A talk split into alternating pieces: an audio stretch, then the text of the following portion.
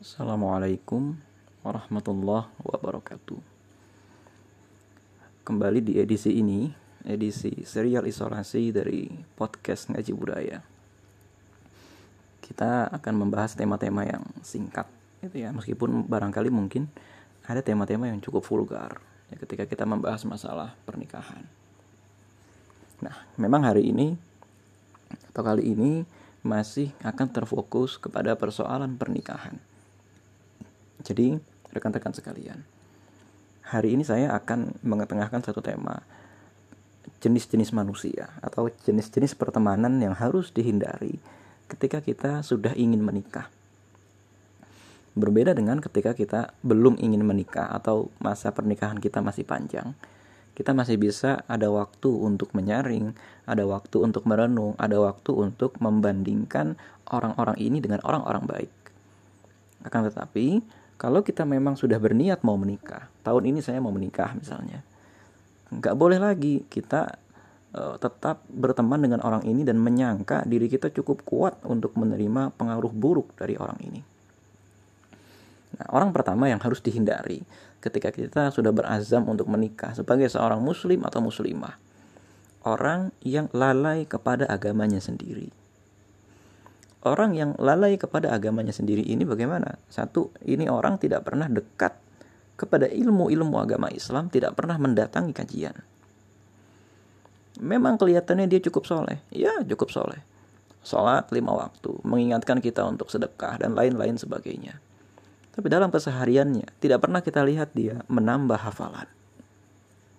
Tidak pernah kita lihat dia mendatangi kajian Terutama ini bagi laki-laki maupun perempuan sama saja. Saya tekankan di sini sama saja. Yang laki-laki membayangkan ingin dapat seorang perempuan muslimah yang membuat dia senang datang kajian dan sebaliknya yang perempuan membayangkan mendapatkan seorang penghafal atau mendapatkan seorang yang muslim yang baik untuk membimbingnya ke arah agama Islam. Tapi sesungguhnya itu semua dikembalikan oleh Allah Subhanahu wa taala kepada diri kita pribadi. Ya, jangan pernah mempertaruhkan kesolehan kita kepada orang lain. Jangan pernah. Jadi hindari berteman dengan orang-orang yang tidak punya kebiasaan menghafal Al-Quran Meskipun kita tahu dia ini juga bukan penghafal, nggak apa-apa. Dia anak kampus sekuler, anak kampus yang tidak ada ilmu keislamannya. Tapi dia punya kebiasaan, oh baca Quran satu juz Dia punya kebiasaan menghafal satu ayat pun sebulan. Yang penting dia punya kebiasaan ya atau yang kedua dia punya kebiasaan rutin mendatangi kajian satu ustadz atau menjadi pelanggan kajian di satu masjid. Nah orang-orang semacam inilah yang harus kita kawani. Nah, dalam artian bagaimana? Ini akan membentuk pola kepribadian kita dalam menghadapi agama Islam.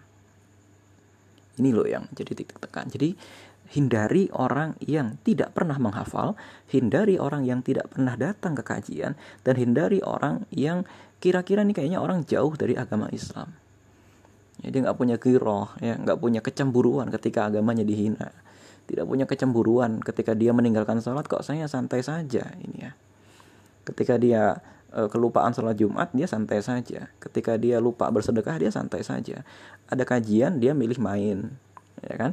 ada atau dia kelihatan tidak pernah menjaga aurat dan lain sebagainya. Hindari dulu berteman dengan orang semacam ini kalau kita mau menikah. Yang kedua, hindari berteman dengan orang-orang yang boros. Hindari berteman dengan orang-orang yang boros kalau kita mau menikah.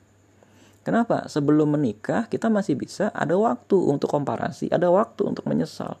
Tapi ketika kita benar-benar mau proses untuk menikah, apalagi proposal kita sudah ada di tangan murabi atau kita sudah tinggal menghitung hari pernikahan, hindari berteman dengan orang-orang yang boros. Apa standar boros itu? Dia membeli sesuatu yang sedang tidak dia perlukan. Hanya gara-gara terpesona diskon Harbolnas. Hanya gara-gara terpesona apa namanya dis, ya atau hari-hari raya yang lain atau hanya gara-gara dia diajak ke mall maka seakan-akan dia harus beli atau seakan-akan berteman dengan dia itu harus di restoran yang mahal berteman dengan dia itu harus menggunakan handphone yang mahal dan lain sebagainya ya hindari berteman dengan orang-orang yang boros semacam ini justru kita harus berteman dengan para pedagang untuk bisa meniru bagaimana cara mereka berdagang dan mengulang apa tidak mengulangi kesalahan-kesalahan mereka dan justru kita hindari berteman dengan orang yang konsumtif. Karena sebagian besar rumah tangga menjadi miskin bukan gara-gara rezeki dari Allah Subhanahu wa taala tidak cukup, tapi kita, kita gagal memanajemen rezeki dari Allah tersebut. Jadi kita bertemanlah dengan orang-orang yang mampu memanajemen pengeluarannya sedemikian rupa. Andai pun terpaksa, bagaimana kalau teman sekosan kita atau bagaimana kalau saudara kita dan lain sebagainya yang tinggal satu rumah, orangnya terkenal boros atau orangnya kita tahu dia sangat boros. Jangan terlalu akrab dengan mereka. Ya, diinkubasi diri kita itu. Hati kita itu perlu masa inkubasi sebelum pernikahan agar steril dari pengaruh-pengaruh buruk kebiasaan atau sifat-sifat orang lain. Nah, ini orang kedua Tadi yang pertama orang yang jauh dari agama Islam, yang kedua hindari berteman dengan orang yang boros, terus yang ketiga hindari juga nih ya rekan-rekan sekalian, hindari berteman dengan orang-orang yang selalu mengeluh. Hindari berteman dengan orang-orang toksik semacam ini. Dia selalu bisa menemukan alasan mengapa dia tidak bisa melakukan sesuatu. Ini yang menjadi apa persoalan Kadang-kadang seseorang ketika menikah itu terpaksa menghadapi sesuatu di luar dugaannya. Hutang, sakit, kelahiran, kematian, dan lain sebagainya. Orang yang belum selesai dengan dirinya, orang yang selalu mengeluhkan orang tuanya, orang yang selalu mengeluhkan rasa sakit yang dideritanya dan tidak pernah mau mendengarkan orang lain adalah orang terburuk untuk dijadikan teman. Orang terburuk untuk dijadikan teman. Mengapa? kita bisa ketularan. Ya, kita nanti ujung-ujungnya akan menjadi pasangan yang selalu mengeluh, pasangan yang tidak pernah bersyukur kepada Allah Subhanahu wa taala. Pasangan yang tidak pernah uh, memuji rezeki atau tidak pernah bisa memuji rezeki yang datangnya dari Allah Subhanahu wa taala. Nah, ini yang menjadi permasalahan dia mengeluh aduh orang tua saya begini jadi saya belum bisa menikah. Gaji saya masih segini jadi saya belum bisa menikah. Kuliah saya berat begini-begini. Ada saja alasan dia untuk dikeluhkan sehingga hidupnya tidak maju-maju. Ya, sehingga hidupnya itu tidak memiliki progres. Bertemanlah dengan orang yang selalu membuat rencana-rencana baru setiap kali rencana lamanya itu gagal. Bertemanlah dengan orang yang selalu bisa bangkit lagi Meskipun saat itu kita tahu dia berhak untuk mengeluh. Karena seorang ibu ketika sudah melahirkan, ketika sudah punya anak, gak punya waktu untuk mengeluh. Dia mau mengeluh sama anaknya. Nanti dia bisa baby blues, ya. Orang yang selalu mengeluh kepada anaknya, dia akan nanti bisa baby blues dan anaknya nanti akan ikut menjadi pengeluh seperti dirinya. Dia hanya akan mencetak seorang anak yang pengeluh kalau dia juga pengeluh. Atau dia nanti mau mengeluh kepada suaminya, dia berharap suaminya mendengar. Suaminya nanti akan capek pulang dari kerja. Suaminya nanti akan lelah, akan sakit dan tidak selamanya ada di sisinya. Dia mau mengeluh terus. Mau sampai kapan? Dia akan mengeluhkan hidupnya. Mau sampai kapan dia akan menjadi orang yang tidak tuntas dengan dirinya sendiri. Nah, ini yang harus kita evaluasi bersama-sama dari pertemanan kita, terutama orang yang selalu bisa mengeluhkan nikmat atau selalu bisa mengeluhkan apa pun yang datang dari Allah Subhanahu wa taala. Meskipun kenyataannya dia memang berhak mengeluh. Nanti ada saja. Aduh, wah wajar lah saya kan begini. Jadi dia mau wajar-wajarkan uh, uzur yang ada pada dirinya agar dia bisa mengeluh. Nah, tadi yang pertama, kita jangan berteman dengan orang-orang yang jauh dari Allah. Yang kedua, kita jangan berteman dengan orang-orang yang boros. Yang ketiga, jangan pernah berteman dengan orang-orang yang pengeluh. Dalam artian begini ya, ini bukan berarti kita harus memilah-milah teman, tidak. Akan tetapi, kita harus mengetahui bahwa manusia itu akan mudah terpengaruh dengan orang yang menjadi sahabatnya. Betapa banyak orang yang hidupnya jadi konsumtif hanya gara-gara dia temannya itu kebanyakan konsumtif. Betapa banyak orang yang kerjaannya mengeluh saja, tidak jadi berangkat kajian, tidak jadi belajar tidak pernah menuntaskan apa yang menjadi jadwalnya, tidak pernah menuntaskan apa yang menjadi uh, kodoyaknya. Karena apa? Dia berteman dengan orang yang selalu mengeluh. Dan berapa banyak orang yang ini tahun 2020 kita tanya hafalannya berapa nggak sampai satu juz. Di tahun 2021 kita tanya hafalannya berapa malah berkurang 2-3 surat. Kenapa? Selain tidak pernah diulang, memang dia juga tidak pernah bisa membuat rencana untuk hidupnya sendiri. Tapi bisa nggak orang-orang semacam ini menikah? Nanti ada orang berdalih begini tuh orang jahat eh, nggak pernah sholat aja nikah, tuh orang boros aja bisa nikah dan dia tetap kaya. Itu orang yang apa namanya suka mengeluh aja bisa nikah? Bisa, karena tujuan kita bukan sekedar menikah, tapi tujuan kita adalah sakinah, mawaddah, warahmah. Jangan kita seperti binatang kita tidak peduli dengan siapa kita menikah, kita tidak peduli dengan bagaimana cara kita menikah, tapi yang terpenting kita nikah dulu aja biar nggak zina. Nah, ini persoalan yang keliru. Ya, betapa banyak akhirnya pasangan yang tidak bisa bersyukur kepada pasangan yang lainnya. Karena apa? Karena rupanya pasangannya itu masih punya sifat-sifat bawaan dari pertemanannya sebelum menikah. Wah, ini berbahaya sekali, ya. Lalu ya rekan-rekan sekalian, selain itu, yang keempat ada juga tipe orang yang gengsian dan merasa belum perlu menikah.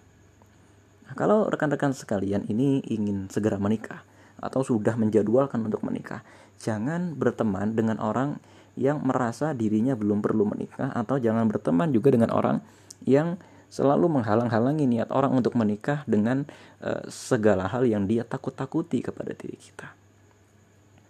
Apa contohnya yang ditakut-takuti kepada diri kita itu?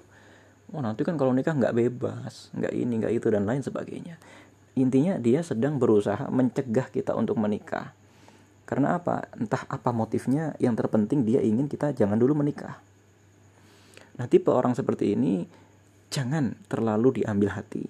Kalaupun kita memang masih harus berbuat baik kepada dirinya. Imbangi dengan mencari jamaah, mencari guru, mencari ustadz, atau mencari kajian yang kira-kira bisa membuat kita lebih yakin untuk menikah dengan berbagai persiapan.